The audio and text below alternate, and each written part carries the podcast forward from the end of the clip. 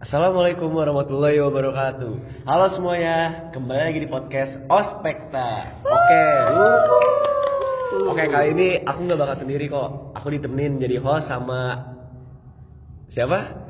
Halo semuanya, nama aku Alfa. Di sini aku bakal nemenin Belva sebagai host di peringatan Isra Miraj. Nah, Belva, kita mau ngapain sih? Nah di sini kita gak cuma berdua doang.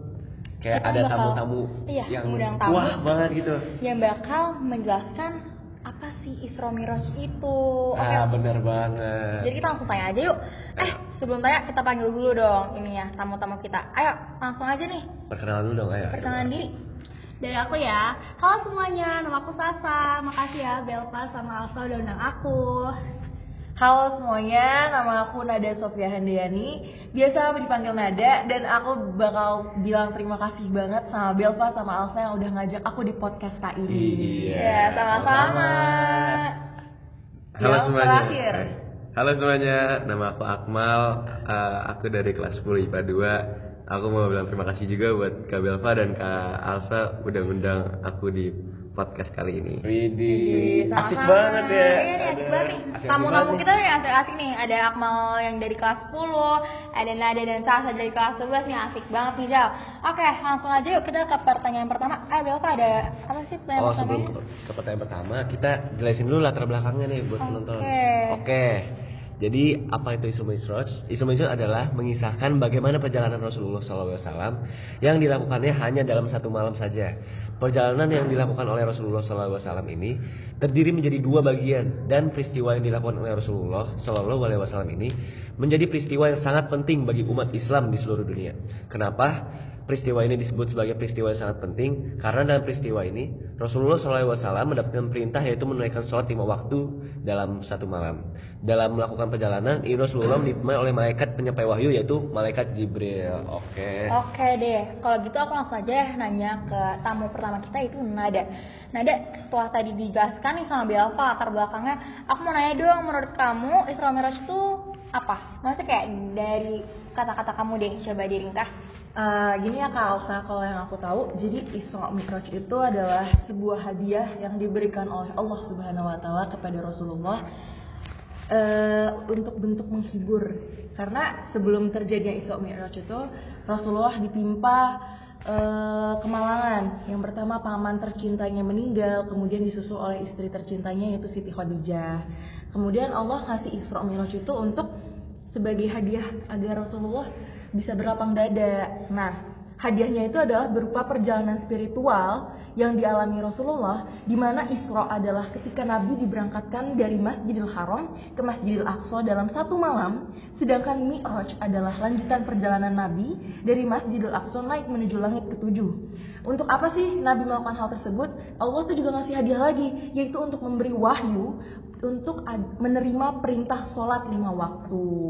Jadi kalau menurut aku eh, Allah tuh punya banyak cara untuk menghibur hambanya, umatnya, hambanya yaitu Nabi Muhammad dengan salah satunya adalah memberi wahyu sholat lima waktu gitu kan menurut aku. Oh my god, makasih banget Kak Nada, ini keren banget. Keren banget Terus ya. kayak aku tuh langsung ngerti banget. Speechless banget aku. Eh, iya.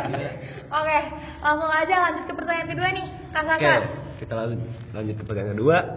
Amalan apa saja yang kalian lakukan pada Isra Mi'raj? Itu buat Kak Sasha. Jadi gini nih, kalau amalan puasa itu, eh maaf, eh, maksudnya nih, kalau Isra Miraj itu tuh banyak banget nih amalannya.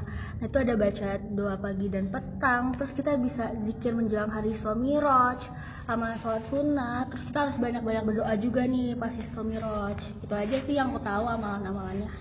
Hmm, baik-baik juga. Oke, ya. makasih ya Kak Sasa. Selanjutnya aku mau nanya ke Akmal nih. Akmal, menurut kamu tuh tujuan kita memperingati Isra Miraj itu apa sih? Apa mal? Kalau dari aku ya, tujuan perayaan hari Isra Mi'raj adalah untuk menang, mengenang perjalanan yang dilakukan Nabi Muhammad SAW dari Masjidil Haram ke Masjidil Aqsa, kemudian dinaikkan Allah Subhanahu Wa Taala ke langit tertinggi yaitu Sidratul Muntaha. Oke deh, makasih Akmal. Makasih, Ini Akmal. langsung aja nggak sih kita ke pertanyaan terakhir, Sil? Oke, aku aku yang bacain apa kamu? Kamu aja lah. Oke, aku aja ya. Oke, pertanyaan terakhir. Apa hikmah yang kalian ambil dari perjalanan Isra Mi'raj Nabi Muhammad? Siapa Siapa dulu? nih? Ayo. Nih? Hobiba, Hobiba. Hobiba ya? Akmal dulu karena tadi kan Akmal terakhir. Oh, iya. Akmal juga paling muda kan? Iya. Bener banget. Eh, apa tadi pertanyaannya? Hikmah Hikmah, hikmah. Oh iya, hikmah. peristiwa Isra Mi'raj. Eh, kalau hikmahnya sih mungkin kita harus lebih menghargai perjuangan Nabi Muhammad SAW karena eh, beliaulah yang masih mengingat eh, tentang umatnya karena pada awalnya kan sholat tuh kan kayak banyak itu kan rokaatnya terus dia akhirnya minta keringanan kepada Allah agar umatnya eh, menjalankan sholatnya tuh tidak keberatan Wih, Wih, keren, keren banget, banget ya. banget. Berarti kita menghargai perjuangan Nabi Muhammad dengan cara kayak kita mengamalkan sholat lima waktu gitu ya. Maksudnya kayak kita mengikuti ajarannya. Selanjutnya eh, mungkin siapa nih? Kan ada dua apa kakak dulu nih? Siapa nih? Oke, Oke, kakak, kakak oke, saya oke. dulu. Kakak. Menurut aku ya, hikmah yang bisa kita dapat dari peristiwa Isra Mi'raj itu, kita tuh bisa membersihkan jiwa raga kita karena karena eh, Rasulullah itu kan dari apa sih? Apa? Eh, apa ya? Apa ya? Apa ya? Dari kesedihan. Iya dari kesedihan itu kan jadi kita bisa membersihkan gitu Ibaratnya kalau bahasa ya. sekarang healing gitu nggak sih kak? Iya, iya, healing. healing. Healing meja.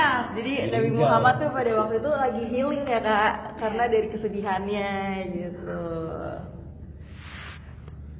Oke, oke, berarti lanjut ke nada. Nah, menurut kamu hikmahnya apa sih? Kalau panjang gimana? Gak apa-apa, apa. Ini biar kita nggak tahu nih ke teman-teman semua kayak Oke, buat ini pelajaran buat eh, sebelumnya ini eh, semua tuh dari pengetahuan kita ya teman-teman Iya. eh, para Iya. pendengar. Jadi mohon Kita maaf kalau misalnya iya aja. kita sharing-sharing aja kalau misalnya dari eh, penuturan baik aku, Sasha atau Akmal ada suatu kesalahan. Tapi ini menurut aku pribadi hikmah dari Isra Mi'raj itu kalau dari sisi aku melihatnya bahwa Allah itu tuh eh zat yang maha baik eh, Tuhan yang selalu memberikan kasih sayang kepada umatnya. Dalam kondisi terendah Nabi Muhammad pun Allah tuh ngasih hadiah Allah ngasih dukungan secara langsung gitu loh. Padahal dan kalau kalian tahu juga kan ketika Nabi Muhammad dikasih wa- wahyu sholat lima waktu itu kan bertemu dengan Allah.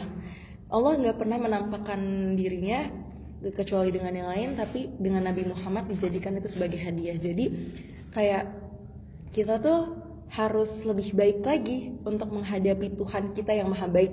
Ketika Tuhan kita yang maha baik yaitu Allah memberikan suatu kebaikan untuk kita suatu manfaat untuk kita suatu rezeki dan lainnya kita harus balas lagi dengan karena kita yang butuh.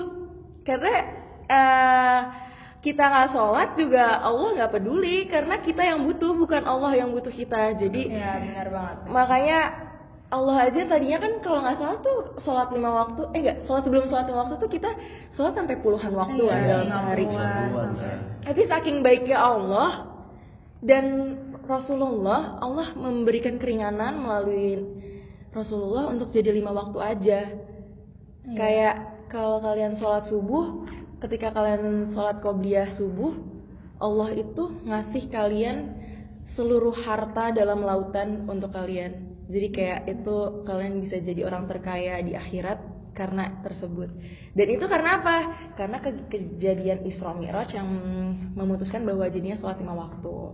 Dan kalau dari sisi aku hikmah lainnya dari Isra Mi'raj itu Eh benar kata Kak Sasha membersihkan hati. Jadi intro, kita tuh sebagai manusia, apalagi umatnya Nabi Muhammad, kita tuh harus introspeksi diri. Hmm. Panutan kita tuh seperti apa? Beliau memperjuangkan agamanya tuh seperti apa? Dan kita sebagai umat penerus agama yang kita cintai, rahmatan lil alamin juga harus bisa meniru dan eh, mengamalkan ajaran-ajaran dari Nabi Muhammad. Jadi ya itu berarti tadi eh, sebagai bentuk kasih sayang dan eh, bentuk introspeksi diri seba- dari kita gitu dari aku. Terima kasih ya Kak. Keren banget ya. Keren, banget gak sih Lengkap. jawabannya? Sumpah aku langsung kayak termotivasi gitu loh. Aku kayak terharu loh. kita harus tobat sih Belva. Jadi ini makasih banyak banget. Jadi kalian jangan lupa sholat qobliyah subuh ya guys. Iya, jangan lupa juga sholat lima waktu karena kalian Iya. bayangin dulu tuh Nabi tuh perjuangannya sampai bolak-balik kan ya. Iya. Karena kayak minta untuk sholat lima waktu gitu yang tadinya sholatnya berpuluhan gitu, tapi memperjuangkan untuk umatnya agar tidak terberatkan gitu kan. Karena kalian bayangin aja kalau misalkan kalian sholatnya puluhan gitu, padahal kalian sholat lima waktu aja kalian masih bolong-bolong, makanya Aduh. ayo dong kalian jangan bolong-bolong sholatnya, oke? Lima waktu doang. Biar kita masuk surga bareng-bareng. Nah, bener banget. Amin, amin, amin, amin. Amin. Amin. Amin, oke deh. Ini Habis ya. iya, sudah habis nih ternyata. Ya, padahal seru banget Tapi seru banget ya kita kayak langsung jadi islami gitu. Waduh. Masya Allah. Masya Allah. Masya Allah. Tapi ini makasih banyak banget ya buat tamu-tamu kita nih Bel, Kak Makasih, Safa, Nada. Kak Nada, dan Kak Akmal. Akmal. Makasih ya. Sama-sama. Makasih banyak ya. Oke, kalau gitu silakan ditutup. Oke, Pak kita Ali. tutup dengan membaca hamdalah. Alhamdulillahirabbil alamin. Oke, wabillahi taufiq wa hidayah. Wassalamualaikum warahmatullahi wabarakatuh. Waalaikumsalam warahmatullahi wabarakatuh. Dadah. Makasih ya udah Makasih. Makasih ya udah dengerin podcast kita. Dadah. Podcast signing out.